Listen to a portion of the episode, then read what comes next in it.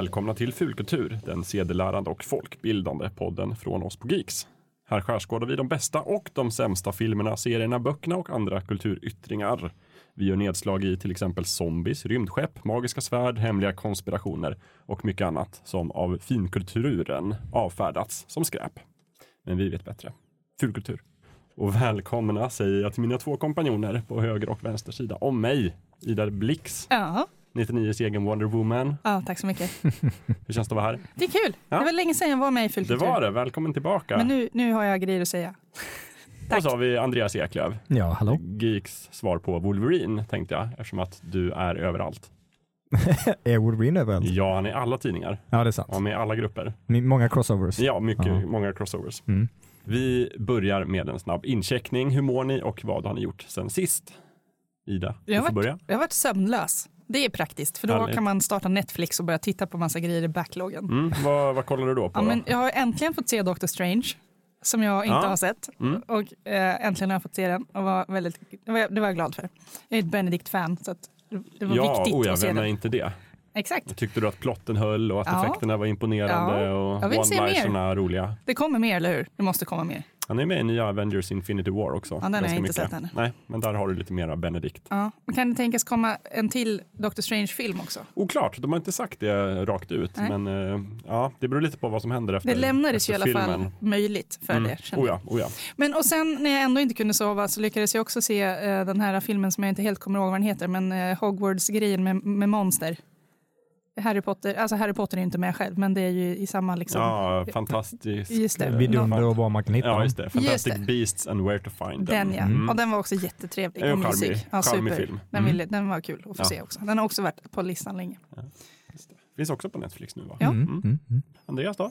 Jag har gjort lite allt möjligt. Jag har också tittat eh, klart på en del eh, Netflix-serier och börjat titta på nya säsonger som har dykt upp. Bland annat The 100 som har dykt upp ny, ny säsong. Ja. Ganska trevlig, får jag faktiskt säga. Mhm. Eh, Lost in Space eh, tittade jag också igenom. Eh, förstår inte riktigt varför den har fått en hel del kritik på olika håll. Jag tycker den är ganska från bra. mig och Emil i förra Eh, avsnittet. ja, Ja. men jag, jag tycker den är ganska bra. Ja. Um, inget, inget att klaga på. Ehm, och sen har jag börjat titta på en, en anime-serie som heter Agretsuko. eh, som handlar om en, en ung tjej som eh, tar examen och är jättepepp på att eh, börja jobba. Eh, och hon älskar att köra dödsmetall eh, karaoke på kvällarna. Den är väldigt kon- konstig, väldigt rolig. Det låter som en anime-serie. Ja, den är väldigt japansk Ja. och jag gillar den väldigt mycket. Och sen har jag börjat spela, eller spelar jag eh, Radiant Historia Perfect Chronology till eh, 3DS. Ett eh, japanskt rollspel där man ska eh, hoppa emellan olika punkter i tiden för att eh, lösa eh, handlingen. Mm. Väldigt bra, väldigt intressant berättande. Eh, kan jag rekommendera till en och alla som gillar genren. Men RPG, alltså rollspelsspel. Ja, Är JRPG. det då turbaserade strider eller realtidsbaserade strider? jag? Turbaserade Ja, strider. okej, så du gör ja. dina drag och sen väntar du och klickar på en knapp. Och så. Ja. Ja, spännande, spännande. Mm, 3DS. mm, mm. En av dina favoritkonsoler. Ja, faktiskt. Mm. Det får jag säga. Själv har jag eh, bland annat sett Marvels Avengers Infinity War utropstecken på bio. Som Mm. hade premiär nu förra veckan, så jag med. Jag såg den i helgen. Mm. Eh, den var väldigt mycket effekter och väldigt mycket karaktärer. Mm. Men det ska ju vara det nu för tiden. Mm. Jo, nej men den var bra. Jag, jag kan ändå rekommendera den. Den var en Marvel-film. Så. Och de här Avengers-filmerna är de fläskigaste Marvel-filmerna. Så att, men det var ändå imponerande hur de lyckades få ihop liksom 40 plus karaktärer och ändå alla fick lite, och, lite taltid och lite små korta fina ögonblick och sådär. Så det, var, det var ändå en prestation på det sättet. Mm. Även om det finns djupare filmer i världen. Och sen har jag börjat kolla på en ny Netflix-serie också som heter The Letdown. Mhm, Som är någon till. form av dramakomedi. Jag tror den är australiensisk från början, men det är en sån här Netflix original. Mhm. Eh, och den handlar om en, eh, en mamma eh, som har blivit förälder. Precis, så att den handlar om liksom mödravårdens och föräldraskapets plågor och eh, lustigheter. Finns det igenkänningspunkter för dig som är relativt nybliven mycket hög igenkänningsfaktor. Då borde jag spana in den också Ja, kanske. är, men också lite skruvat sådär. Hon liksom, för att hennes bebis inte kan sova så åker hon eh, bil på nätterna Just för det. att den ska somna och så brukar hon ställa sig i en park så, så blir hon kompis med någon, någon som står där och säljer droger som tycker bara du får köpa någonting eller sticka härifrån. Liksom, Nej, bara, han har somnat precis. Jag bara, Nej, du måste dra, bara köp någonting. Okej, jag köper någonting. Bara, vad har du? Ja, roligt, roligt. Glömmer barnet lite här och där och Just det. Sådär. Det är inte alltid bara glam och glamour att vara förälder. Nej. Visar den. Det är skönt att någon visar det. Ja. Jag var lite lurad inför det där med att bli förälder själv. Jag tänkte att det här är ju lätt som en plätt. Och så var det inte det. Den här veckan så ska vi prata om, det är sånt där gammalt ämne som vi har velat göra länge men som nu äntligen har det blivit dags för det. Nämligen filmatiseringar av böcker. När böcker blir film heter avsnittet. En Hollywood-favorit Ja, ändå. jo men De gör gärna verkligen. sånt här. Snor en bok och gör film på. Ja, och jag tror det, jag läste någon form av undersökning som sa att, jag minns inte siffrorna, men den sa i princip alla filmer som går upp på bio nu för tiden är antingen filmatiseringar av böcker eller liksom spel eller annan förlaga eller uppföljare Mm. på dem. Just Så det. det är väldigt få liksom originalmanus. Så, ja, men det kan nog stämma. Mm. Det, det är ju någonting väldigt eh, praktiskt med att ha en professionell liksom, skribent som en författare då ändå kan tänkas vara och sen ta den historien och Mm. filmatisera den. Mm. Behöver man inte hålla på med manusförfattarna däremellan. Ja, men exakt. Nej, men det gör de ju ändå, men då får man liksom anpassa en, en befintlig story istället. För. Mm, ja, men jag, jag tycker också att det är ett, ofta ett bra koncept. Mm. Ja, Men ofta tar de ju inspiration från en bok eller novell eller någonting men, men själva filmen är inte en, en direkt översättning av boken. Det, nej det finns ju de här liksom löst baserad på eller Mm. liksom det. inspirerad av och så vidare och så vidare. jag läste den här grejen, men jag ville istället ha det precis på det här sättet. Ja. Och så gör vi om massor. Ja men precis, Mm. och ett aktuellt exempel som vi kommer komma in på, är jag säker på, är ju Ready Player One som är en eh, populär genrebok kan man väl säga. Ja, Skriven av en författare som jag inte minns vad han heter Ernst Klein. nu. Ernst Klein, men filmatiserad av Steven Spielberg. Ja, det var ett krav av herr Klein faktiskt. Att han skulle vara just Ja. Spielberg. Jo, Mm. och, och precis, och den, den som sagt kommer vi nog återkomma till alldeles strax. Men, Ja. men som vanligt då så uppstår ju de här diskussionerna. Vad är en bra filmatisering? Är boken bättre? Är filmen bättre? Finns det för och nackdelar etc. Så att jag tänkte inleda diskussionen med att kasta ut en fråga till er. Eh, ska en filmatisering följa boken så troget som möjligt eller inte? eh, jag skulle säga nej. Jag säger Eh, också nej. Varför? Eh, för att det, det, det är som, som vi säkert också kommer in på, eh, säg Sagan om ringen. Eh, I, bok, I böckerna så har du ju väldigt mycket så detaljgenomgång av vad som finns i, i, i gruppens omnejd, eh, vad de tänker på och många sådana detaljer som Mm. skulle man försöka översätta det till en film. Det hade ju blivit jättedåligt, jättelångt, tråkigt och inte alls fungerat för en bredare publik. Eh, så man får ju ta de elementen i berättelsen som, som fungerar för film och de elementen som inte fungerar får man översätta till filmspråket, Mm. eh, skulle jag säga. Ja, men eh, så det är viktigare att vara liksom inte tråkig än att följa handlingen slaviskt i, i förhållanden? Eh, Det, det, det är väl viktigast att följa mediets, eh, det som passar mediet bäst. Mm. Eh, det, det, det, det som fungerar i böcker fungerar inte alltid på film. Helt enkelt. Ida, vad säger du? Nej, men jag är lite inne på samma grej. Det är viktigare för mig att de får ihop helheten liksom i respektive men, medium än Mm. att de håller sig slaviskt till originalmanus. Det känns inte riktigt lika viktigt. Jag kan ha överseende med att man behöver ändra vissa saker för att ja, men, hoppa över lite onödigt komplicerade grejer. För i böcker kan man skriva superkomplicerade story arcs. Vad blir det? Svenskt? Ja, Händelsebågar. men man kan ha, det kan vara väldigt komplicerat. Mm. Och då, som du var inne på, Sagan om ringen är ett superbra sånt exempel. Eller, ja, men där man har en, en komplicerad grej där det finns lång historik, man kan skriva 18 böcker och liksom sådär. Mm. Och det går ju inte att köra i film om man inte eh, Nej. liksom, har tänkt. Ja, Om, om de nu får för sig att göra bok eller film på Silmarillion exempelvis, Ja. då kan man ju inte bara översätta den för det hade blivit en jättekonstig film. Ja. Eh, så att eh, det, man måste ju eh, göra eh, ö, övergången eh, så, så väl lämpad för mot, målmediet som möjligt. Mm. Och sen tänker jag då att, att det liksom inte Ja, men man kan göra det här på, det finns bättre och sämre för, exempel såklart, Mm. där de Mm. har lyckats mer eller mindre bra med det här. Jag tänker att för, för de allra flesta har säkert ambitionen att göra boken så bra film som möjligt och sen så lyckas man inte alltid. Mm. Men jag hoppas att de inte tar tag i ett bokmanus och bara det här ska vi förstöra i film. Ja, det är väl få som går in med den ambitionen, Nej, att nu ska jag förstöra det här. Exakt. Men däremot, till exempel, ett känt exempel är ju när Stanley Kubrick spelade, filmade The Shining, Ja. som var en eh, Stephen King-roman. Men Och han, han är ju Stanley Kubrick och han gick ju in med den för att han skulle göra en Stanley Kubrick-film. man kan säga att han ju, den, han, boken och filmen där är ju, de är väldigt löst sammankopplade Mm. på ett sätt. Ja, och Stephen King tycker inte om den heller. Så vi har ju pratat om Stephen King tidigare i ett mildrat åsikten lite med tiden. Nu är Mm. han inte riktigt lika hatisk längre. Men, eh, men Han säger, men han säger att det är, en, det är en bra film. Ja. Den, den har inte så mycket med hans bok att göra, men det är en Precis. väldigt bra film. Mm. Nej, men det har den ju inte. Och då är min fråga liksom så här, kan man gå för långt i det här? Kan man liksom, vid vilken punkt är det nästan inte en, för, en tolkning längre utan någonting helt nytt? Alltså ju- just i fallet med The Shining skulle jag nästan säga att den har gått för långt i hur mycket den ändrar så att man egentligen skulle kunna kalla den någonting annat. Eh, för visst, boken var ju, var ju välkänd och de, de vann på att använda det namnet, eh, det varumärket. Men som, som eh, kreativt verk sett så skulle jag hellre sett att de valde ett annat namn till, till filmen för att separera den från boken. Eh, för att de har inte jättemycket gemensamt. Mm. Nej, inte. Jag tycker att de är så himla briljanta båda två. Så att de, liksom, de, får, de kan finnas lite så här som parallella universum eller någonting bredvid varandra bara. Ja, det, det är alltid svårt när man liksom, när någonting, när slutresultatet blir någonting bra så är Mm. det ändå svårt att säga, ja fast jag hade föredragit en mera trogen filmatisering av den här boken Mm. eftersom den har samma titel. Men sen är det jag, skulle, såklart, inte- jag skulle inte vilja se att de ändrar på The Shining-filmen. Eh, Den är jättebra. Ja, men, i Men- ett parallellt universum så kanske Stanley Kubrick var mera liksom trogen originalet och där kanske det finns en mycket tråkigare men mera liksom trogen version Mm. av The Shining. Vilken konstig värld. Ja.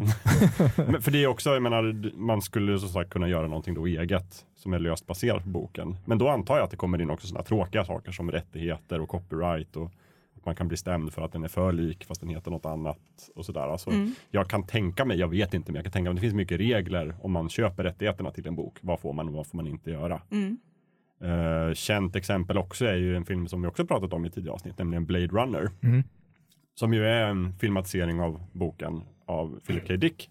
When the Androids Dream of Electric Sheep. Sheep. Mm. Eh, men titeln Blade Runner är från en helt annan bok Mm. som inte har någonting att göra med det som filmades. Just och det. filmen i sig är ganska olik boken också. Så det är ju verkligen en, det är mer en Ridley Scott-produktion än en Philip K. Dick-tolkning. Det. Och, och Blade Runner, vad de fick den till, det var bara de hade den liggande. Bara, det här är en bra titel, vi tar den. Ja, Mm.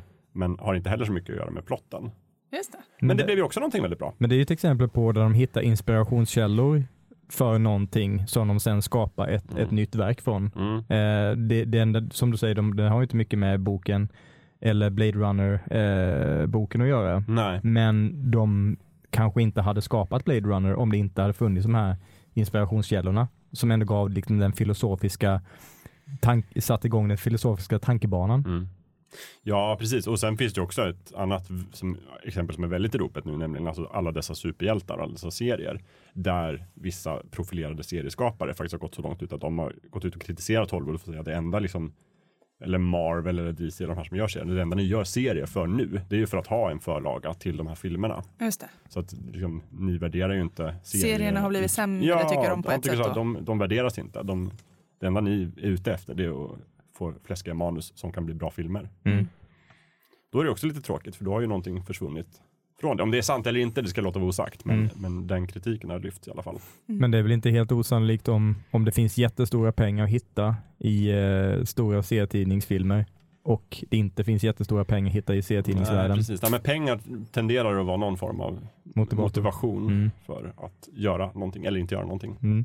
Sen är det ju lite fint med, man kan ju göra liksom remakes eller bara ett nytt försök att filmatisera någonting flera gånger. Typ. Som Liftarens guide till galaxen har de ju gjort åtaliga försök och, Mm. och liksom, inte bara filmatisera, de har gjort Mm. radiopjäser och alla möjliga ett, saker. det är ett jättebra exempel just om vi tänker själva filmen. Ja. För vi har ju pratat om Liftarens guide också. Den är ju väldigt, där går ju meningarna verkligen isär. Om Mm. det är en bra film eller inte. Ja. Jag tillhör ju de som gillar den.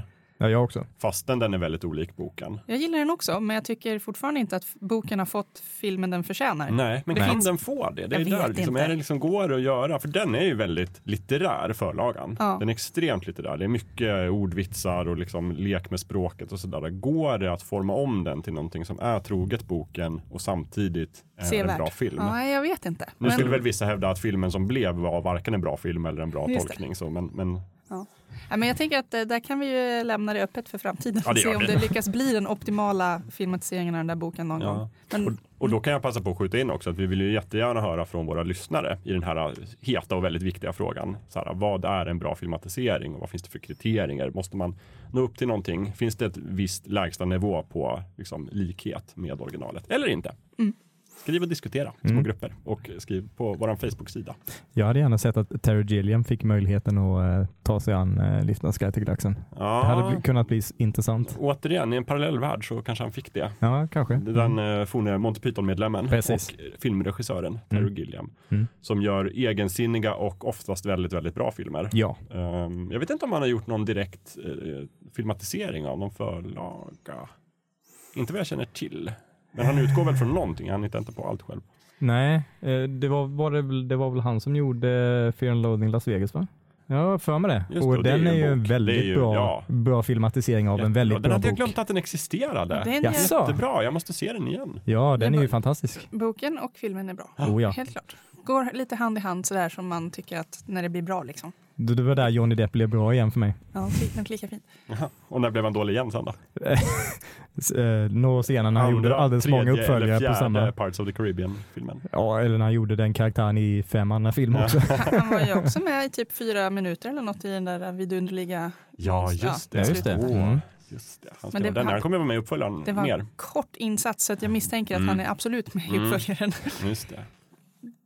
Jag har, jag skulle vilja att vi lägger upp avsnittet så här ungefär. Jag har bett er ta med er varsitt exempel på både en bra filmatisering och en dålig filmatisering. Mm. Så tänkte jag att vi utgår, vi börjar med de bra och så går vi varvet runt och så tar vi våra exempel och sen så dryftar vi det lite Mm. så ser vi om vi lär oss något. Vad säger ni om det? Det låter Det låter som en bra plan. Ja. Ida, vill du kasta dig rakt in med ditt eh, tips som du vill lyfta fram som en bra filmatisering? Eh, ja, det vill jag. ja, eh, alltså jag. Jag vill prata om Ready Player One för att jag älskade boken Mm. och filmen är fortfarande på bio. Eh, och där känner jag spontant att folk kommer säkert ha väldigt olika åsikter om huruvida det är en bra filmatisering eller inte. Mm. För det är en sån här filmatisering där man har ändrat lite grejer i, från boken. F- mm, antagligen för att det skulle liksom vara, för att det överhuvudtaget ska gå att göra helt enkelt.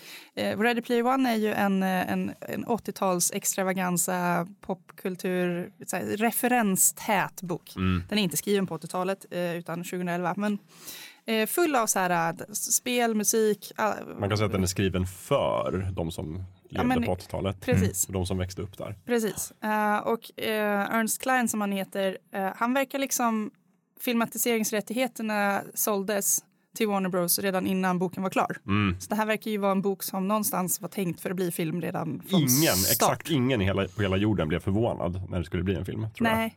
Och så sa då eh, Klein, han hade två villkor för att göra den här. Det ena var att han skulle få vara med i liksom första försöket att skriva manuset Mm. till filmen och att Spielberg måste regissera.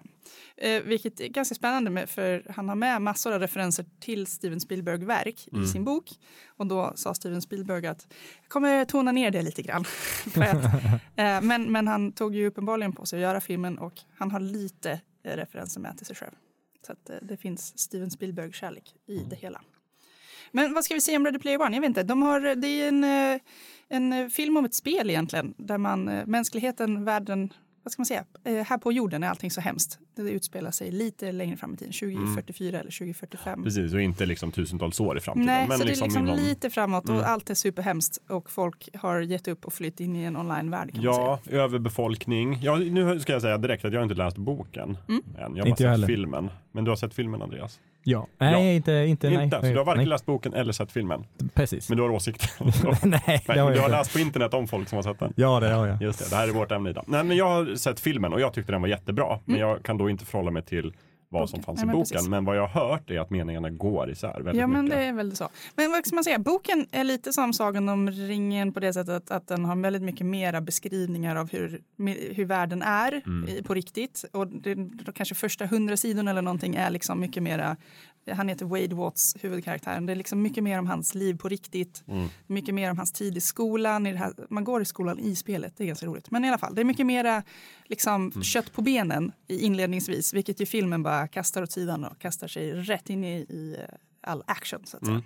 Ska väl säga det också att vi kommer spoila ganska friskt här i alla våra exempel. Det Ja. måste vi lite grann göra. Ja. Eh, Jag ska försöka få in så här fina kapitelmarkeringar i avsnittet så att om man inte har sett Ready Player One då kan man klicka sig vidare och gå direkt till nästa ämne. Just det, Sådär. Vi får se om vi får in det. Annars är det allmän spoilervarning i allmän avsnittet. spoilervarning. Precis. Och då kanske vi ska börja med att säga att just det här spelet i Ready Player One är då en virtuell verklighet. Så man har såna VR-glasögon och Ja. väldigt häftiga sensoriska dräkter på sig. Som man Man, kan om man få. är rik ska vi Om man är rik, annars får man köra bara den här Headsetet. Precis. headsetet. Mm. Men alla är då där liksom, Och det är mycket trevligare. Spelet heter The Oasis och är skapat av en karaktär som är grundad lite, lite, lite grann på Steve Jobs, vilket jag tycker är väldigt fantastiskt. Ja, han är någon sån här väldigt eh, arketyp för den Ja. rika, lite socialt missanpassade eh, visionären. Det märks att Klein han har varit och sniffat runt i Silicon Valley och Mm. lånat inspiration till flera av karaktärerna. Ja. Eh, Men eh, det är en, en man som heter Halliday som han eh, har gjort, gjort det här spelet och han styr spelet hårt medan han lever och sen går han bort. Och då lämnar han efter sig en massa påskägg i spelet. Och de som hittar, liksom löser hans gåtor, de får kontroll över spelet. Och då ställs det väldigt snabbt mot ung, nördig, liksom ensam hjälte och hans kompisar mot det här jättestora hemska företaget som bara vill tjäna massa pengar Mm. och fylla spelet med typ reklam. Ja, just det. De har mätt och räknat ut så här, hur mycket reklam Ja. kan man få liksom, utsättas för innan man svimmar. Och sen har de skalat tillbaka det lite, lite, lite grann. Och där någonstans vill de landa. Ja. Eh, och då ska han, den här hjälten då, Wade Watts, eller Parzival som han heter i spelet, de, de, blir liksom, de ska rädda Mm. spelet då såklart. Mm. Eh, men jag vet inte, jag måste säga att jag gillar, boken är ju helt fantastisk. Eh, och då var jag ändå relativt liten på 80-talet, så det är ju ändå någon sorts... Mm. Men du känner igen dig i referenserna? Ja, inte eller? alla, men, men eh, flera av dem absolut. Eh, och om inte annat så tjänar liksom filmen som någon sorts, hmm, det här borde jag kolla upp. Ja, Lite så. Gör boken referenser till Star Wars som inte finns med i filmen? Eh, jag kan, jo, men det, det finns Star Wars-referenser med i boken, det är jag rätt säker på. Och jag har för mig att jag läste någonstans om att det var vissa så här rättighetsgrejer med i bilden, varför de inte kan ha med lika mycket sånt på riktigt. Mm. Liksom. Just det. det där är också någonting man måste navigera när man gör en film. Så Mm. man, I böcker kan man komma iväg med att skriva saker Ja. som man sen absolut inte får visa på film. För då kommer en studio och stämmer den. Mm. Sant. Och, det, och det har väl jag hört om Ready Player One, att, att jämfört med boken så är referenserna, det är många som har klagat på det, referenserna är mycket bredare Ja. och liksom folkligare i filmen. Och det är kanske inte konstigt att förstå, men, men tyckte du att det påverkade filmen på något Nej, sätt? jag tycker att det funkar. De, de har ju uppenbarligen behövt balansera det lite så att det ska passa också folk som kanske inte var liksom supernördiga på Nej. 80-talet. Att det ska Nej vara men precis, också att mycket, mycket liksom. som finns nu som inte fanns när boken skrevs har Ja. vävts in eftersom att det handlar just om virtual reality och sådär. Ja, Så Många av precis. liksom, nutidens populära online-spel Mm. finns ju. De Ja. finns inte med i boken till exempel. I boken är också en, en japansk karaktär som heter Ultraman eh, en viktig del. Mm. Och på grund av rättigheter så fick de inte ha han i filmen och då har de istället järnjätten. Ja just det, Järnjätten är med. Ja. Som ju är också en, eh, producerad tror jag av Steven Spielberg. Ja, Ja. Eh, precis. fantastisk animerad film regisserad av Brad Bird som Yes. också gjorde The Incredibles. Mm. Men, Mission Impossible. ja, just det. Eh, men vad ska man säga? Det, han, det är tre nycklar man ska få tag på. Och Tre sen- nycklar som Ja. Gunde skulle ha sagt. Just det, tre nycklar. Och eh, den första nyckeln i boken och den första nyckeln i filmen är helt olika grejer. Ja, Eh, precis. Men och sen i filmen så har de också gjort det så lätt att när du har fått en nyckel så är du klar och så ska du ta nästa nyckel. Men i boken är det mer komplicerat för nyckeln öppnar bara en, en dörr Mm. och där ska du lösa en till uppgift för att komma vidare. Och då är, Just det, de, har, de har slimmat det lite i filmen. Precis. Och, och bokens liksom gåtor och uppgifter är väl så här supermycket nördigare och krävande än vad de är i filmen. I filmen Mm. är det lite Ja, ett, något ett exempel jag har hört är att i boken, så tror jag, om det är första nyckeln eller någonting, Mm. så går liksom utmaningen ut på att de ska bokstavligen talas och spela något gammalt Atari 2600-spel. joust. Och i filmen så har de istället gjort det till en häftig biljakt i, genom ett datanimerat New York. Ja, och då, med liksom med den här King biljakten. Kong och Så- drakar och allting. Eh, så är Jurassic Park. T-Rexen med Ja. Stephen King igen. Eller vad säger jag, Spielberg igen. Mm. Men, eh, nej, men och biljakten är ju också en sån här typisk publikfrieri-grej. Vi kan börja med något superflådigt och häftigt effektfyllt och bara fylla på med massa nördiga Mm. fordon. För där kan man se massor av häftiga fordon, bland annat Ja. Parzival kör ju en Mm. DeLorean. Ja, och, och där är ju de som har varit, många som jag känner i alla fall, de har varit stenhårda fans av boken, tyckte att men det här, så här är det inte i boken. Det är en biljakt. Men det är också så här, men det är en film och det är Steven Spielberg så det är självklart är det en, Ja, en, en hetsig biljakt. Tyckte- Naturligtvis är det ett högt tempo. Jag tyckte det var lite, det var, det var smart löst för att i boken så går det så flera år från att den här tävlingen utlyses till att någon faktiskt löser första nyckeln och här är det direkt, alla vet hur man ska få nyckeln men ingen lyckas. Mm. Eller så. Just det, för det är ett så svårt race. Ja, Mm. precis. Men det, är, det, det som jag tycker är lite roligt, jag kör ju motorcykel. Eh, Så du visste hur du skulle ha gjort eh, innan? nej, men hon backar ju med en motorcykel. Ah. Det är få motorcyklar som har någon typ av backväxel. Det är Men väldigt I film är det väldigt vanligt. Det är, Tydligen. så, någon, det är väldigt så här tydlig tecken på att någon är väldigt skillad när de kan backa med en motorcykel. Ja. Och sen så gör de alltid det här att de sticker ut ena benet och liksom sladdar lite Just så att de det. vänder och sen kan de snabbt dra iväg. Nej, Mycket eh, imponerande. Backandet är lite orealistiskt. Eh, Men eh, det var, det var ändå roligt att hon har just en, en tvåhjulig grej och backar. Just det. Och det är heller inte vilken motorcykel som helst på tal med referenser utan det är ju Akiras motorcykel, den röda från den legendariska filmen från 1986. Mm. Som också bygger på en tecknad manga. Ja, är det, det, referenstätt är det ju. Ja. Man måste ju nästan se den flera gånger för att liksom fånga allt. Mm. Och det finns väldigt mycket artiklar på nätet, typ så här, ah, 800 referenser du missade i Ready Player One. Och, sådär. och jag tyckte det var kul när jag såg den. Jag tyckte också att det var roligt med alla referenser. Mm. Men det var inte det jag gillade mest med filmen. Nej. För Jag tyckte det var lite för mycket nästan. Men jag tyckte om den just för att den kändes för mig väldigt, väldigt Steven Spielbergsk. Ja.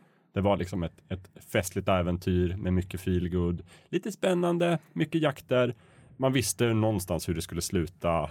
Ja, Det var aldrig, vart aldrig för farligt någonstans. Nej. Sådär. Så att, ja, men, ja, men härligt. En väldigt mycket Steven Spielberg. Och jag tror att han har lagt in, ja, men som sagt, han har lagt in sina egna referenser istället Ja. i filmen. Och han, eh, han har ju uppenbarligen tagit sig an projektet med, med någon sorts liksom, kärlek också. Mm. Han, det, han verkar ju ha velat göra det här projektet Ja. och inte bara tagit det för att han behöver pengar eller något sånt där. Liksom. Jag tror inte han behöver pengar. Nej, men, nej, men det jag menar, alltså, han har liksom, Ja, han har, trots finns- att han simmar med pengar Ja. Och kan välja projekt superkräset säkert så har han ju ändå valt att göra den här. Jo.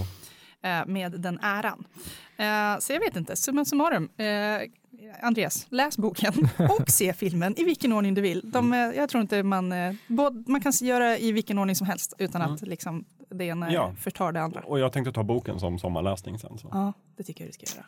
Andreas då, vad tog du med dig som, som bra exempel från filmatisering? Ja, eh, jag, jag tänkte ju att Sagan om ringen det är ju för, ett förgivet exempel. Ja, Eh, det är för givet. det, det, det känns ju lite väl uppenbart att ta det som ett, Ja, ett bra exempel. Fast jag hade kunnat lyfta fram det som ett dåligt exempel. Nej, inte dåligt, men jag har kritik på filmen. Ja, men det, kritik kan man ha, men det är inte ett dåligt exempel. kritik.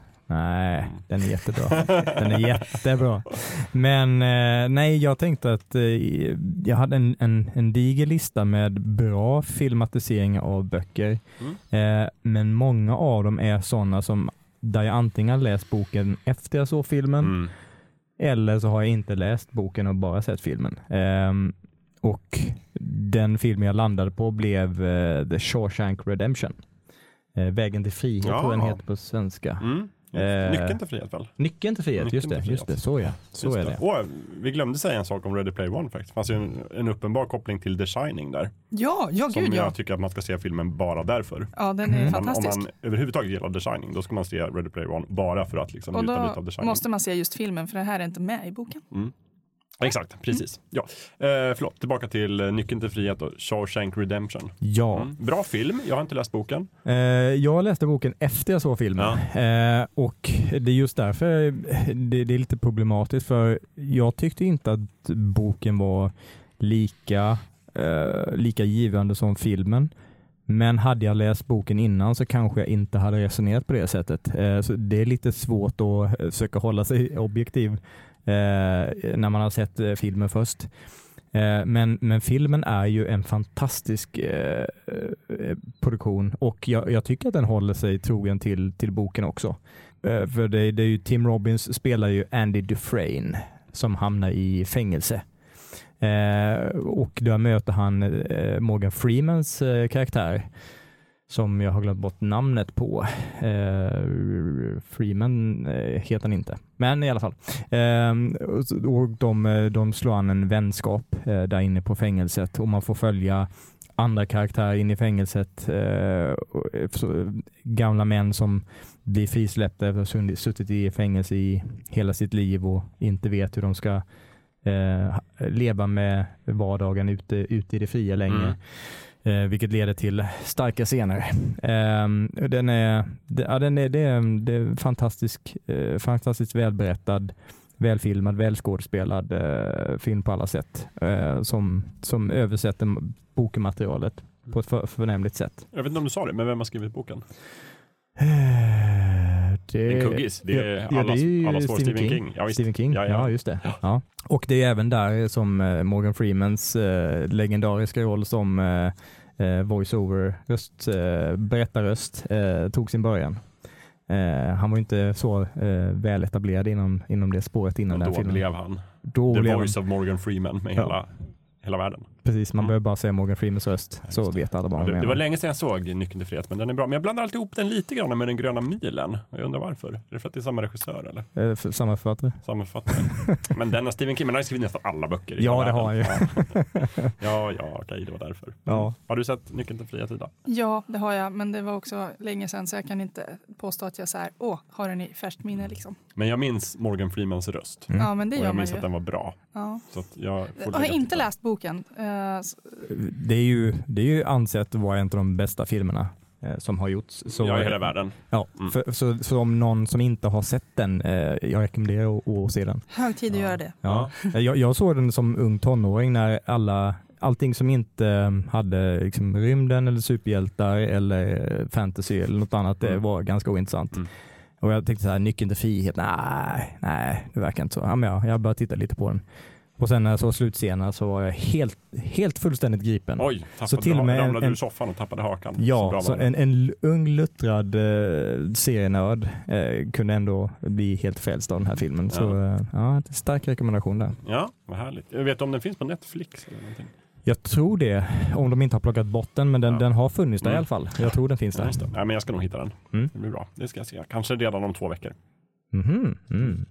Jag måste planera så långt. Så mycket i media liksom, Ja, konsumtionsschemat. Det finns en ledig slott om två veckor. Jag ska lägga in den där. Eh, Jag tog också ett exempel faktiskt på en bra filmatisering och då har jag valt en hel serie men jag har ett specifikt exempel som jag tycker är liksom det bra exemplet på. För jag tycker, jag har nämligen tagit upp Harry Potter. Oh, Harry Potter bokserien, sju böcker som blev åtta filmer. det är svajigt, Ja, tycker jag. lite svajigt men jag tycker överlag att det är en väldigt bra filmatisering. Ja. Mycket svajigare än Sagan om ringen i alla fall. Nej, det var det fräckaste. Jo, då, Ja, jag, jag, jag tycker också den är svajig, riktigt svajig. Ja, jag Ja. kan förklara mig så kanske vi ser om det kan vara mer detaljerad i er kritik. Men jag tycker att den tar fasta på kärnan i böckerna. Eh, fast den anpassar det till att bli mera filmiskt men utan att liksom tappa det, det litterära. Det finns inte liksom allt är inte actionscener och biljakter utan det kan bli liksom eh, de här lite längre. Eh, den tillåts dra ner på tempot ibland och det kan vara eh, väldigt mycket prat och sådär. Och jag gillar när det är prat i filmer. Jag tycker Ja. att den kan vara det. Om man dessutom kan göra det visuellt, vilket de kan. Och sen har de ju kört olika regi- regissörer. Det Just är det. inte samma regissör på alla. Och då finns det ju några riktiga höjdpunkter. Och den bästa är den tredje filmen som är The Prisoner of Azkaban, Fången på Azkaban. Som är regisserad av eh, Alfonso Cuarón. Som är jätte, jättebra. Som har gjort eh, Children of Men bland annat och eh, Gravity. Mhm. Och säga vad man vill om Gravity, men han vet ju hur man får det att vara intressant på skärmen, Mm. duken. Och alltså Prisoner of Azkaban är så jävla bra filmatisering. För den, han väver in så mycket, det finns så mycket symbolik och liksom, han vet hur man gör en film. Ja. Och jag, jag, den är bättre än boken skulle jag säga. Den Oj, oj, filmen. oj. Mhm. Eh, några andra filmer är, är som regel lite sämre än boken. Men oj, oj. Ja, men överlag en väldigt bra. Jag skulle säga att jag vet inte hur mycket pengar de har dragit in, men jättemycket. Ja, det har inte de för att det är säkert. ett mått på, på framgång. Jo det är det, men inte på, det är en bra filmatisering i alla fall. Vad är det ni hatar så mycket med Harry Potter-filmatiseringarna då? Inte hatar. Ni sa det, sämsta filmerna som har gjorts. Ja, men, alltså, nu, nu ska jag liksom få brasklappa lite här Ja. för jag har inte sett alla i, liksom, i, i ny, nylig tid. Nej. Men eh, bland annat när jag satt och researchade runt här så blev jag liksom påmind om att, att eh, när han man inte får nämna ska dö. Mm. Alltså de, Voldemort. just det, då, då har de, jag vet inte, det, det är liksom inte lika bra som i boken. Mm, nej, De har förstört det lite grann tyckte jag. men hur? Ja, men de har gjort det för, alltså de här eh, horcruxerna Ja. skulle ju förstöras för att han skulle liksom dö en vanlig tråkig död Mm, typ. mm. Och så, så blir det inte så ändå. Och jag vet, inte, nej, det var, de har liksom jag vet inte, det, det, jag tyckte mycket bättre om det i boken helt enkelt. Ja, Böckerna är, tycker jag är jättebra. Ja. Eh, men också de var lite svajiga. Det finns böcker jag tyckte bättre om och böcker jag tyckte sämre om. Jo, men Så ju. såklart. såklart. Men ja, nej jag vet inte. Det, så, eh, så var det liksom, mm, ja, ja, lite så, svajigt. Okej, ja. Ja, jag tycker också det var lite upp och ner. Eh, Fångarna i Askman är ju helt klart en Mm. höjdpunkt, Mm. eh, det skulle jag säga. Sen Order of the Phoenix heter den, va? ja, femte boken. Femte boken, den var, var lite svajig. Den, var, det är ju den sämsta boken Ja. och den, en av de sämsta filmerna också. Mm. Så att, helt klart. Mm. Och sen tyckte jag den, den, eh, den tudelade finalen också var rätt svajig. Mm. Eh, Där tyckte jag faktiskt att de gjorde det ganska bra. Just att de, de anpassade en del. Jag håller med dig, lite, lite sämre. Jag hade en Ja. starkare upplevelse när jag läste boken. Men det är också så här, hela fenomenet med Harry Potter för mig var så himla liksom, jag var så fascinerad av boksläppen och det var Ja. verkligen en hype inför varje bok.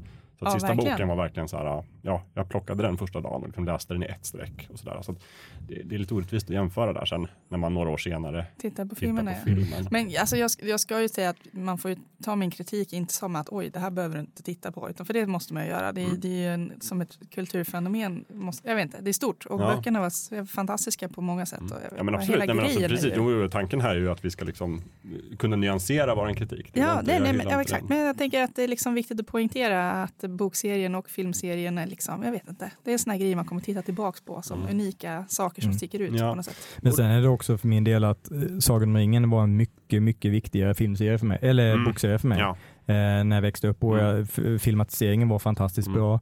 Eh, eh, filmatiseringen av eh, Harry Potter-filmerna är överlag jättebra. Mm. Det är bara att jag är inte lika eh, förtjust i böckerna som jag är i Sagan om ringen-böckerna. Men vi kan, vi kan ju säga så här att, så, att Harry Potter-grejerna, de har ju grejen som är liksom bra här att de har ju kastat pengar på det här projektet, Mhm. vilket ju Mm. i filmsammanhang är ganska viktigt för det är dyrt att göra film. jo men det är ju det. Då kan vi ta det superdåliga exemplet direkt, är ju alltså den här Svarta tornet-serien från Stephen King. Här har vi Mm. tagit nästan inga pengar och lagt Mm. på en film som borde ha varit massor av pengar på massor av filmer så hade det blivit bra på något sätt. Absolut. Jag ska bara säga det, för mig är det lite samma sak fast tvärtom faktiskt. För att jag, Sagan om ringen är en mycket, mycket viktigare bokserie för mig också. Just därför har jag mycket svårare för ma- filmatiseringen. Alltså, Och Harry Potter är inte lika viktig och då kanske jag köper filmatiseringen Ja, det är nog samma enklare. för mig Jakob. Sådär, Jag, är mycket petigare när det gäller, jag hade, mycket, jag hade skyhöga krav på filmatiseringen av Sagan om ringen. Och överlag jättebra filmatisering. Men jag har några grejer jag inte kan släppa som jag blir argare och argare på för varje år. Så att jag tycker mindre och mindre om dem för varje år och Ja. varje gång jag ser dem. Så att jag ska aldrig mer se den igen. Men jag, jag, har, jag har läst bokserien i många omgångar och så när jag såg dem på filmerna, det var också så här, det fanns stunder när man bara, nej, vad har de gjort? Typ så. Men Ja. ja, och för mig handlar det verkligen inte om att så här, nu Tom Bombadil var inte med. De la inte liksom en timme på att filma när hobbyerna sjunger sånger i skogen med Tom. Det gör ingenting att de har tagit bort det, det är jättebra. Och det gör inte heller ingenting typ att mm, magin funkar inte sådär i, i Midgård. Man skulle aldrig kunna göra sådär med en trollkarl. Det tycker jag, nej men okej, men det är en film så att nu kan de göra så. Och det funkar. Jag stör mig mer på mm, betydligt ytligare saker, typ så här, hur har de gestaltat alverna och hur liksom för de har ju skurit ner det ganska mycket. Ja. Den här mastiga boken. Ja, och vad har- de liksom, var har de valt att korta ner och sådana såna grejer har jag åsikter om. Ja. mm. Men å andra sidan, de var ju tvungna att göra det. Eh, och jag tycker det blev jättebra resultat. Jag, jag tycker de hade kunnat göra det bättre. Mm. Ja, ja. Klippa annat, eh, liksom sådär. Det, det är liksom på den nivån Mm. min kritik ligger. Inte så här, de borde inte ha gjort det. Eller så de skulle ha gjort mer troget. alltså, är jag är ju jätte, jätteglad att de gjorde det så stort som de gjorde det, för att allting annat hade ju varit ett hån mot Mm. boken, eller böckerna. Ja. Nej, men det var också, sen är det lätt, jag vet inte, nu kom ju första Sagan om ringen-filmen 2001 och då var jag verkligen såld. Det var liksom en av de mäktigaste bioupplevelserna jag hade haft första filmen och första filmen är fortfarande den bästa. Mm. Men sen, nu är det väl lätt också så här att 2018, jag vet inte, jag går lite fram och tillbaka. Å ena sidan tänker jag så här, hade de väntat några år till så hade de kunnat bli den ännu bättre. För jag tycker just att den börjar se lite, Daterad ut ja liksom. lite daterad och samtidigt tänker jag nej, då hade den blivit mycket, mycket sämre. För nu för tiden kan man inte göra bra film. Ja, fast de använder ju praktiska effekter för det Ja, mesta, och vilket räddar gör att ju den inte det åldras så ju nu mycket. till stor del, men jag tycker det, där de inte har gjort det. Exemplet i första filmen är ju Grotttrollet, Mm. som är liksom fulare än Shrek. Jo, men å andra sidan, eh, det finns ju delar i eh, Alien, första Alien och det finns delar i Star Wars A New Hope som, som definitivt ser daterat ut, men det är ju fortfarande väldigt imponerande för sin Ja, tid. absolut, men det finns ingenting i första Alien-filmen från 79 som är fulare än Grotttrollet i Sagan om ringen från 2001, om du frågar mig. Nej, men just, för, det- just för att jag tror att kontrasten är så himla hög. I liksom, de har gjort så mycket praktiska effekter och det är så otroligt snyggt gjort. med liksom allt liksom, som pengar kunde köpa 2001. Och sen så har de lagt säkert jätte, jättemycket på det där trollet och det var ändå så här, fast vi kan inte göra bättre än så här. 2001. Men å andra sidan i Alien så har de ju ganska eh, enkla, alltså, de, olika Alien och drottningen ska ju utföra i Aliens då, ska utföra ganska rudimentära rörelser. De ska Mm. inte göra så mycket, de ska inte synas särskilt Nej. mycket.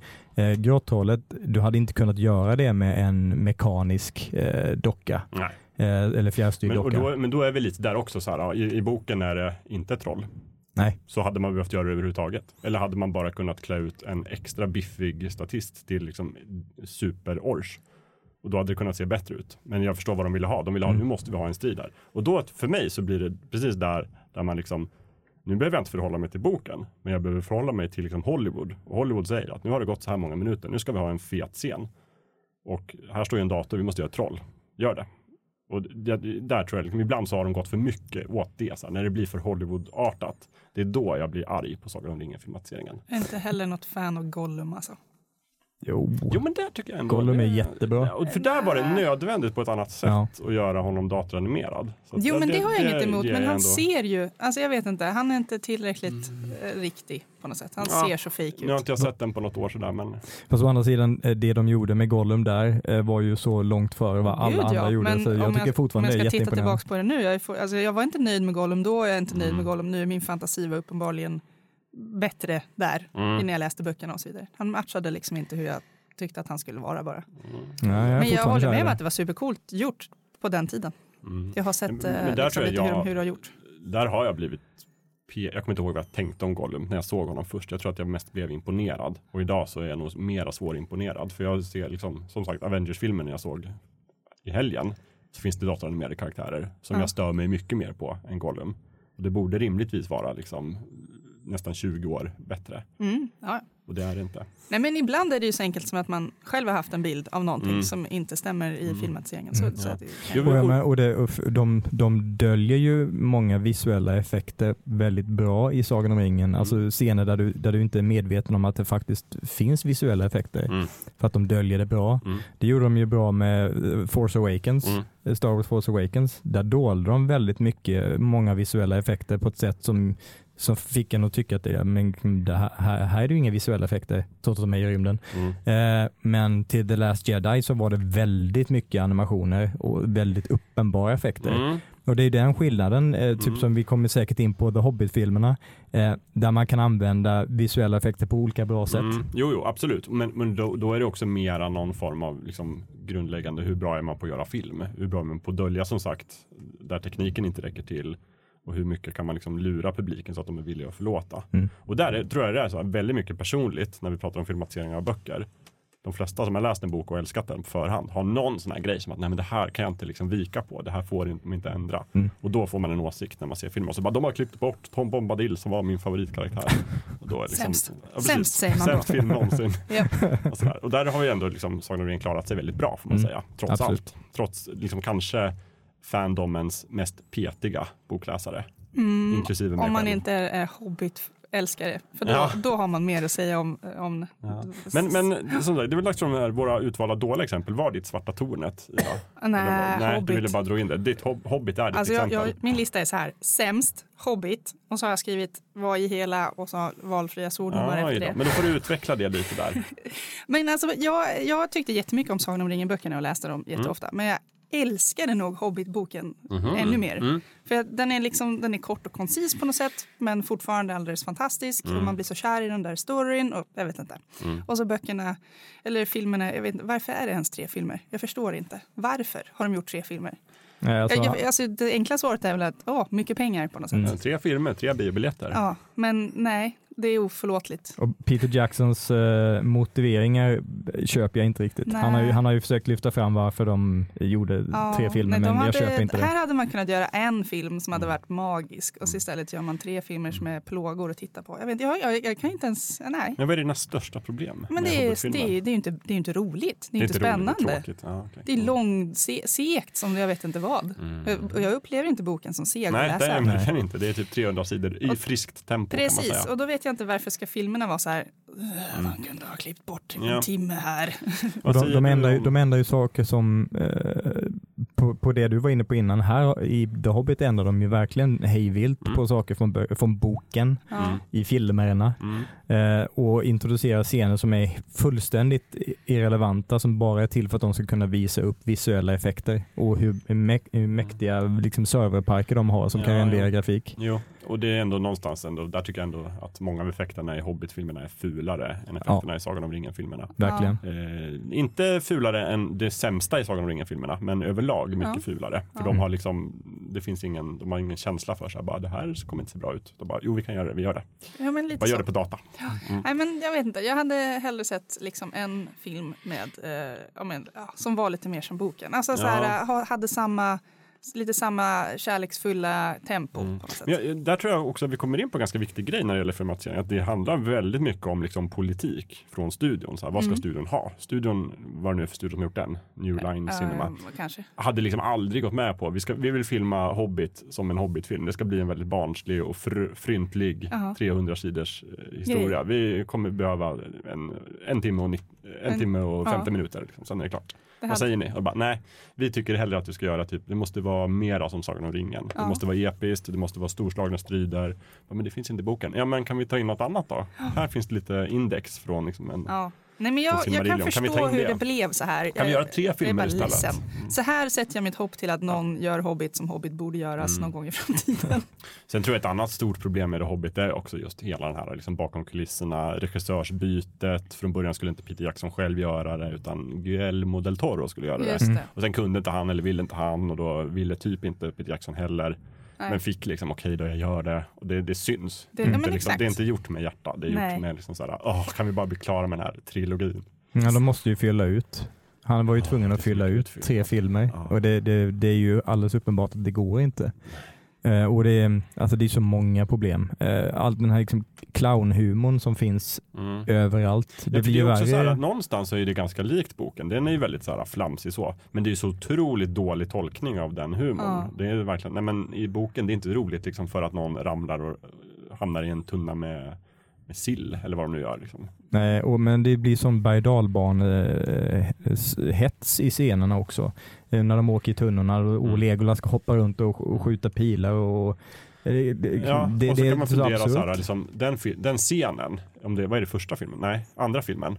Ah, just det, andra, filmen. tror jag. eh, Ja. Som jag inte ens minns vad den heter, men andra filmen. Smaug Söderläggs va? The Desolation of Smaug. Ja. Och den är typ 20 minuter lång. Så här. De bara åker ner för en flod och hoppar i tunnor och gör typ tv-spelsmanövrar. Mm. Man kan Ja. inte hoppa så om man är en dvärg, men det gör de. Och så får komma så här, när den scenen är slut, vad har hänt med handlingen? Ingenting. Ingenting. Ingenting, förutom att en person har blivit skadad typ i benet eller någonting och det får någon sorts betydelse sen för att han måste vara Fit. vårdas. Ja. Men det är bara så här, nej, det här är väldigt bortkastad tid med mina, min tid Ja. som Mm. tittare. Ja, men, och det är, ju, i- det är väl i slutet av andra boken också som de håller på och med det här berg flygandet eh, i, med Smaug där. Ja, inne i berget ja. in i berget och sen så kommer den här eh, guldfloden som ser Mm. ut som att den är animerad av Mm. en uh, femteklassare på en Ja. Praktikant. 486. Mm. Det, är, ja, det är ju katastrofdåligt på alla sätt, tänkbara sätt. Ja, det är att de inte tog med det uttalandet på liksom eh, Blu-ray-utgåvan. Katastrofdåligt, Andreas Eklöf. Det borde de ha gjort. Ja, det borde de ha gjort. Nej, men jag, jag, ändå måste jag ändå någonstans säga att det fanns många scener i Hobbit-filmerna som jag tyckte om. Mm, Mest i första absolut. som vanligt. Men det är ju någon som har klippt ihop allt det bra och det är ju typ sevärt. Ja, De som, jag leker ibland med tanke på om man skulle klippa ihop sin egen version av de här tre Ja. katastrofdåliga filmerna Ja. och göra någon form av hyfsad Mm. filmatisering. ja, jag, För Precis. jag har egentligen inga problem med att man har velat vidga liksom, bredden och vilja få in hela den här, uh, vad gjorde Gandalf under den här tiden och vad hände med Sauron och, och så att man liksom gör lite så här uh, callbacks till Sagan om ringen Mm. och försöker öka skalan. För där har de ändå någonstans plockat in från liksom, Ja. Tolkien-material. Så det köper jag Och de, de försöker ju väva ihop eh, de här filmerna med mm. Sagan om ja, ringen-trilogin. utan det är mest att det är så dåligt gjort. ja, nej, jag Att vet det är så klumpigt. Och de, de, eh, The Battle of the Five Armies, den tredje Mm. filmen, det, det är ju inte många scener som skulle användas där i min film. Nej, jag, jag sov nästan hela den filmen. Jag gick dit. Alltså, men jag satt när jag satt i, bi, i biostolen och såg den här scenen när Legolas håller på och springer på eh, de här fallande stenblocken Mm. i, i luften. Mm. Alltså jag, jag var ju nästan folkilsk. Det var så Jag dåligt. tror att du var det. Jag tror inte att det var nästan. Jag tror att det... Jo, jag, jag var nog Ja. folkilsk tror jag faktiskt. Det, det är helt obegripligt hur någon, hur någon tänkte det där överhuvudtaget. Sen kunde jag inte hålla mig och var tvungen att ha in en, en sämre. Ja, men kör. Och det är ju den här svarta tornet-grejen.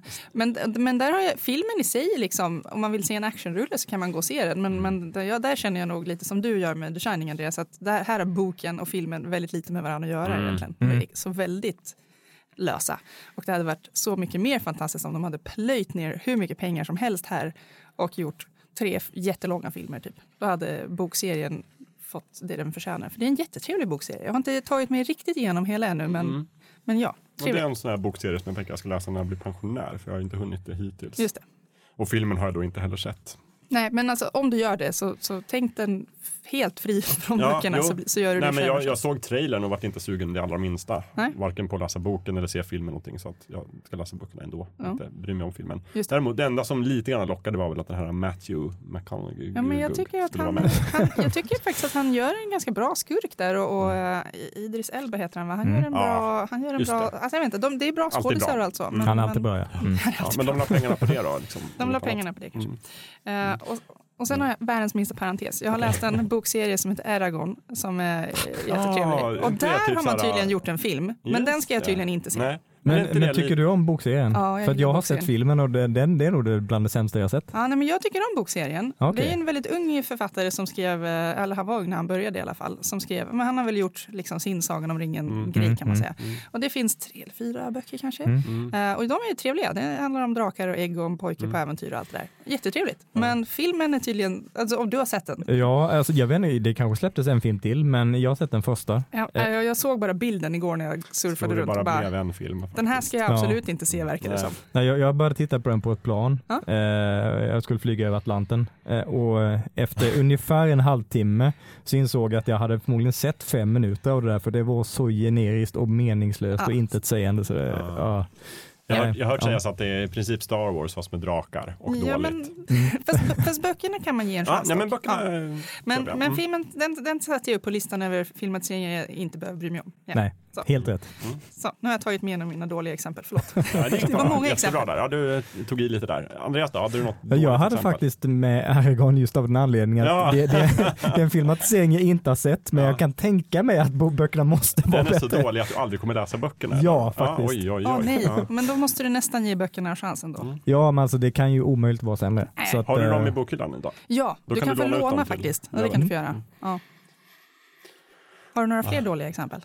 Eller, Eh. eller ja, det kanske bara var jag som hade massor av eh, exempel. The League of Extraordinary Gentlemen. Ja, den är med på min reservlista här Alltså, också. ja. Usel filmatisering. Ja, alltså med tanke på skådespelarmaterialet och resurserna de eh, antagligen la bakom filmen så borde den inte kunna bli så dålig kan man ju Ja, tycka. men jag, jag trodde alltid, jag visste innan att de skulle göra den, jag trodde alltid att den skulle bli jätte, jättedålig. Men jag trodde Jaså? att den skulle bli så dålig att jag ändå kunde ha roligt åt den. Mm. Och det kan jag inte. Den är så dålig att jag bara sitter och skruvar mig och vill gå därifrån. Det finns ingenting så här.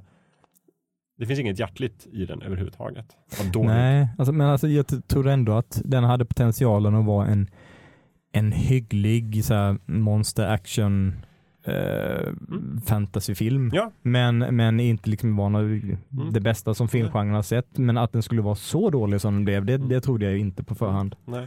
Nej, men vi har ju någonstans slagit fast här känns det som att vi har sagt att det är okej att ändra från boken Mm. om man gör det liksom för att det blir, ska bli bättre. Ja. Och här har man gjort massor av ändringar från Mm. boken, men det blir bara sämre. Typiskt dåligt. Ja, typiskt dåligt. Ja. Ja, men den kommer alltid vara en av de sämsta filmer som finns för mig. Liksom. Mm. Jag så arg. Och då ser jag ändå, jag är beredd att se det mesta skitdåliga som Sean Connery har varit med i. Han har varit med i mycket dåligt. Jo, Och det här är bara, nej, inte en Sean Connery. var Han inte det en av hans sista filmer också? Det var alltså, ju... nu låter det som att han är död, han lever. Men, Jo, men jo, jo men alltså, han, har inte, han gjorde inte pension. filmer sen. Nej. Eh, och eh, det var väl inte det bästa sättet att gå ut på. Nej, det var det verkligen inte. Oj, oj, oj. Och då ska vi inte ens tala om vad Alan Moore tycker om den filmatiseringen. Han tycker inte om några filmatiseringar. Nej. Man ska sluta på topp. Ja. Det gjorde inte Connery helt enkelt. Nej, inte riktigt. Men det, alltså, jag vet inte, alltså, han har gjort många, många bra roller, men han har ju också, alltså, alltid varit med i jättedåliga filmer. Mm. Sådär. Och det är ju kul någonstans. Det måste man ju ge honom. Så mitt exempel annars på en dålig filmatisering, det var faktiskt för övrigt också en Alan Moore-filmatisering. Mm. Nämligen Watchmen, Mm. som Zack Snyder tyckte att han skulle filmatisera. Det gjorde han inte tillräckligt Just bra. det ja. Nej, men alltså det var så här.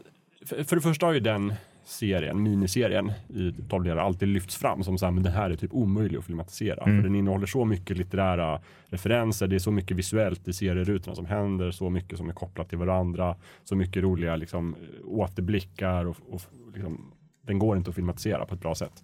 Och då sa Zack Snyder, jo det går, vi gör det. och så visade det sig att nej, det gick inte.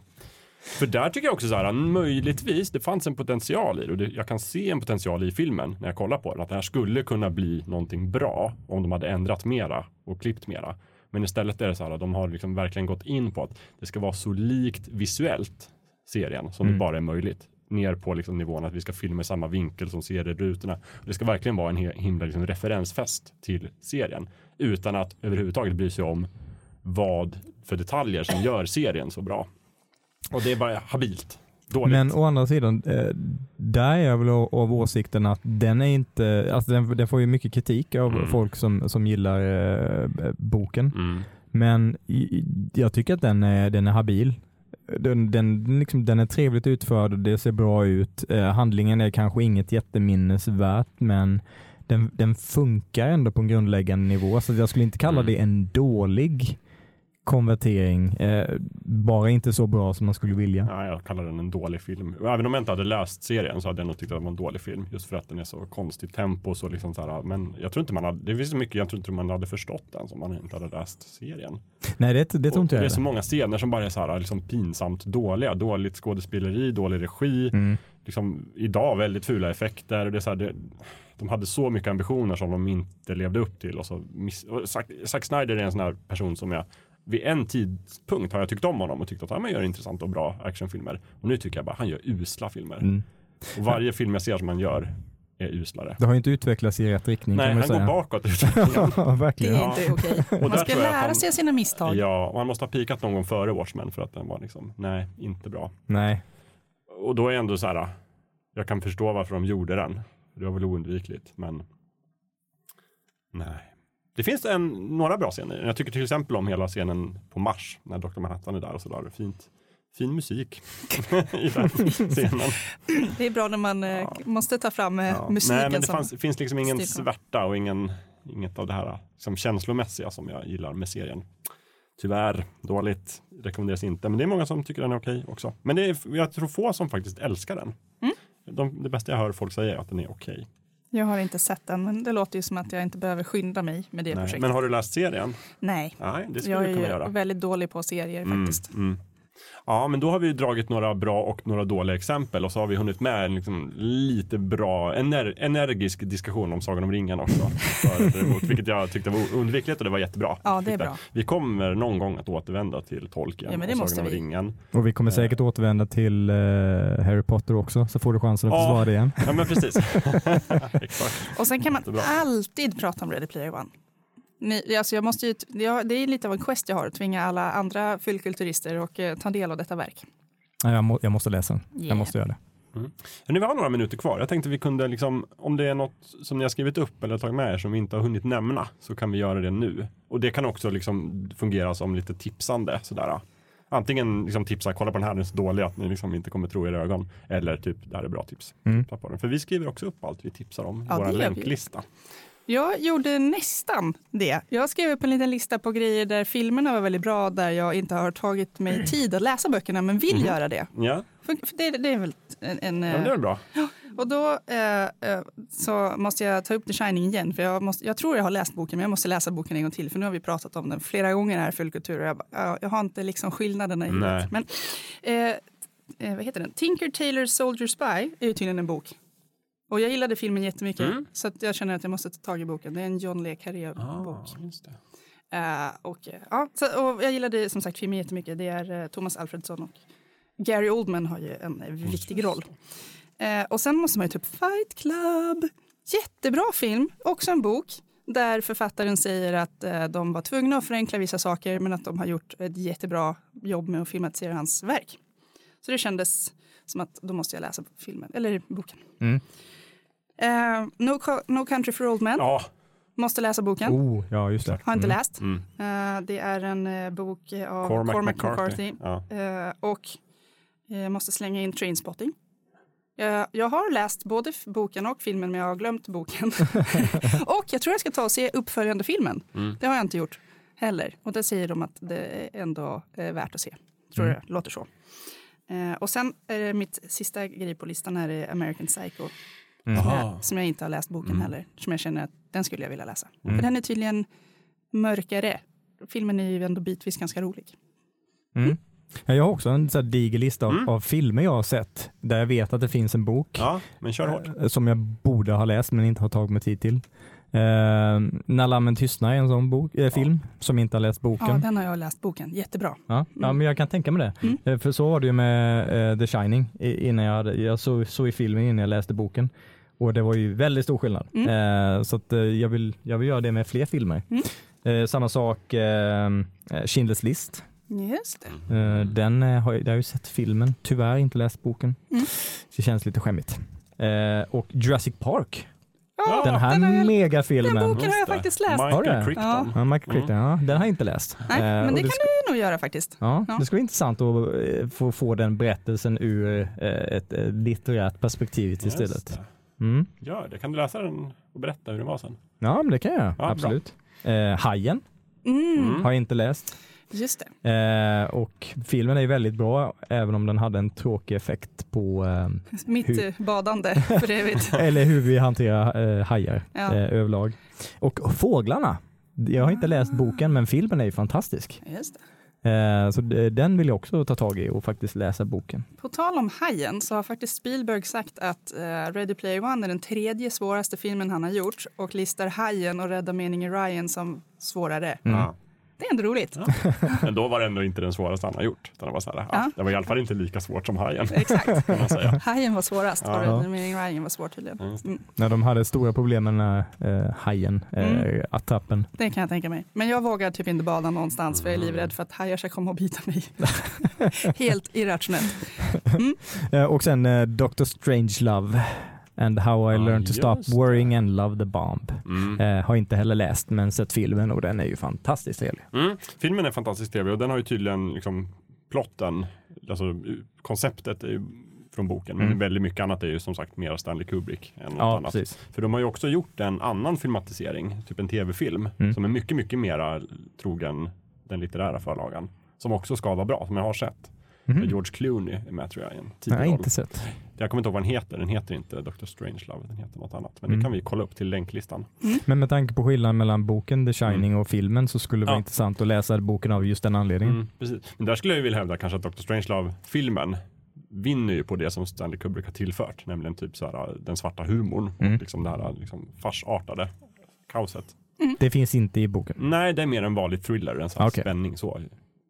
Också Kul. bra. Mm. Mm. Jag har läst allt. Jag har läst den nämligen och eh, sett den och sett Strangelove. Bra, bra grejer. Mm. Hade du fler?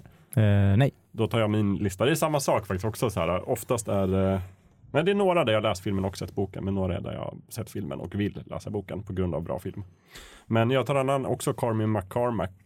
Cormac Det är McCarthy. världens svåraste namn att säga. Cormac McCarthy. Cormac McCarthy har också skrivit boken Vägen, Ja. som också är filmatiserad av någon annan. En, en film där Viggo Mortensen spelar eh, Mm. rollen. Jättebra film och då vart jag sugen på att läsa boken och bättre bok, ännu bättre bok. Fantastisk bok. Mm. Så tips, mörk och hemsk. Eh, och sen så tänkte jag också lyfta fram Möss och människor, Mhm. Mice and Men, Mm, Nobelpristagaren det. John Steinbecks eh, tidlösa klassiska roman som jag hade läst innan och sen såg jag filmatiseringen från 92 med eh, Gary Sinise och vad heter han? John Malkovich. Mm. Mhm. Det är också en sån här bara, den är väldigt lik boken. Den var väldigt, väldigt bra. Mm. Mycket på grund av deras skådespelarinsatser. Mm. Och snyggt foto också. Eh, och sen är det faktiskt också Forrest Gump Ja. som jag såg filmen många gånger och tyckte det här är min favoritfilm. Tänkte jag ett tag. Och tycker nu inte att det är min favorit, men den är väldigt bra. Mm. Den är väldigt och sen så bra. läste jag boken och den är väldigt annorlunda. Oh. Mest i ton Ja. och ännu bättre. Mm. För Okej. den, är, den är lik, man ser ju liksom hur de har, det är en, man märker ju att det är likheter sådär, det är liksom mycket, men annat är, den är liksom en helt annan ton och den är mycket mörkare, Jag måste sätta upp mycket den på mustigare och läslistan den direkt. är en fröjd att läsa för att Mm. den är skriven på det här, har du läst den? Eh, nej, tyvärr inte. Nej, ja, Nej. men den är skriven på det här väldigt, liksom, det, det är väldigt mycket Forrest Gumps röst som pratar och berättar. Så här, man, och han är med om mycket som inte han hinner vara med om i filmen. Han Mm. åker upp i rymden bland annat och blir kompis med en schimpans. och blir jättebra på att spela schack och det är, så här, han, han, det är bara helt galen bok. Mm. Och han hinner bli en jazzmusiker också och spela jazz och sådär jättemycket. Och sen har jag också läst uppföljaren, Gump och Company, som Aha. inte blev en film. Det skulle bli en film. Men det blev inte det. Liksom, det var svårt att göra. Eller någonting sådär. Men då är han också lite arg på filmatiseringen sen. För författaren tyckte liksom att det här varit lite för mycket liksom feel good Just av filmen. Eh, och så börjar det med att de har gjort en film på Forrest Gumps liv i Ah, boken också. och han är han, är, han är arg, så bara låt, den börjar med liksom de orden, så här, låt aldrig någon göra en film på ert liv. Mark Zuckerberg allt. håller med. Ja, precis. Ja, och sen hade jag bara några tips där jag liksom inte har läst boken också. Och det är egentligen O Brother Where Art Thou, Mm. eh, Mm. Coen-brödernas. Det är en väldigt lös baserad på Odysseen. Just Det är det. inte, liksom, det är inte en bok, bok så, det är en bok. Men... Den bo- filmmusiken har fastnat. Ja, Oh, ja. Oh, ja. Eh, grym film i alla fall. Ja. Och Odysseen är ju en klassiker som man kan läsa någon dag när man har mycket, inte mycket att göra. Eh, och sen så tänkte jag också lyfta fram två eh, Studio Ghibli-filmer. För Ghibli gör ju ofta sådär att de har en litterär förlaga och sen ändrar de jättemycket så att det Mm. blir en Miyazaki-film av alltihopa. Just det. Eh, Kikis Delivery Service och eh, Moving Castle. Mm. Och där har jag inte läst böckerna men förstått att det skiljer heller. sig väldigt mycket. Men då känner De jag att har jag vill ju- det också. De har även gjort serier på uh, Ronja Rövardotter. Mm. Det Eh, finns på är- SVT Play kanske Mm, Det fortfarande. finns på Netflix också. Ja. Såg bara första avsnittet, har inte därför någon möjlighet att berätta vad som skiljer sig eller inte. Men det är ju väldigt japanskt Ja, såklart. ja, men alltså, såklart. Om du tänker dig Ronja fast helt plötsligt japan så, Mm. så förstår du någonstans, nå- någonstans skillnaden. Men det var ändå fint. Så Mm. att jag, jag såg också Jag har sett första tre avsnitten. De verkar hålla sig ganska nära eh, eh, ursprungsboken och den svenska filmen. Är bara reaktionerna som är japanska Mm. istället. precis. Ja, jag har förstått det som att det är väldigt mycket just när Miyazaki själv regisserar som han liksom så här, vi utgår från det här men så nu ska jag göra min film. Mm. Just det. Jag har mycket idéer och så går han och ritar och skriver och då ändras det. Mm. Så, och det blir ju jättebra men det blir ju Miyazaki, det blir ju inte liksom en filmatisering av en bok på samma sätt. Nej. Mm. Var vi, vi, eh, vi nämnde också um, Hunter S. Thompson och uh, filmatiseringen av uh, uh, Fear and Loathing i Las Vegas. Mm. Eh, de gjorde ju även en film på Where the Buffalo Roam. Eh, och jag tror den filmen kom någon gång typ 80-85. Mhm. Eller någon, någon gång på 80-talet. Eh, och det är också en bra filmatisering faktiskt. Den är vä- väldigt udda, udda humorn eh, som eh, eh, dels Hunter S. Thompson eh, hade och eh, som man även kan se i Fear and i Las Vegas. Eh, jag vet inte riktigt den är nog ganska svår att få tag på. Men kan man se Hunter, eller Where the Buffalo Roam så kan jag rekommendera den också. Mm. Den, är, den är också väldigt bra. Härligt. Det låter som en film som skulle kunna finnas på typ biblioteket eller någonting. Mm, kanske. Gammal repig DVD. Mm. Skulle kunna få tag på kanske. Men det får bli faktiskt avsnittets sista tips. Mm. Eh, Då kan vi avsluta med att eh, tacka så mycket för att ni har lyssnat på Fulkultur avsnitt 64 med mig och Andreas och Ida. Och sen så är vi tillbaka om två veckor och då kommer vi ha en helt annan ämne att prata om. Och Ja. sen så vill vi uppmana alla lyssnare att berätta om era bästa filmatiseringar. Om ni har gjort någon själv, annars så någon ni har sett och läst. Funkar också. Just det, och dela med oss av detta, förslagsvis kanske på Facebook-sidan, Facebook snedstreck fulkulturpodden. Mm. Och när ni ändå är ute, ute på internet så kan ni gå in och följa oss på Instagram, fulkulturpodden. Eller gå in på vår alldeles egna Tumblr-sida på fulkulturpodden.tumblr.com. Där hittar ni också en länklista med alla länkar och tips som vi har lagt fram i det här avsnittet. Betygsätt oss på iTunes om ni lyssnar där. Ja, det kan ni göra också. Ja. Eller Overcast eller vilken app ni nu använder för att lyssna på poddar. Så Mm. bara liksom ge lite feedback och sådär så att vi hamnar högt upp i sökalgoritmerna. Och Det får gillar vi. miljoner nya lyssnare. Det Ja. vore kul. Sprida nördigheten till alla. Fulkultur är tillbaka om två veckor. Tack så mycket och vi hörs då. Hej då! Hej då! Hej då!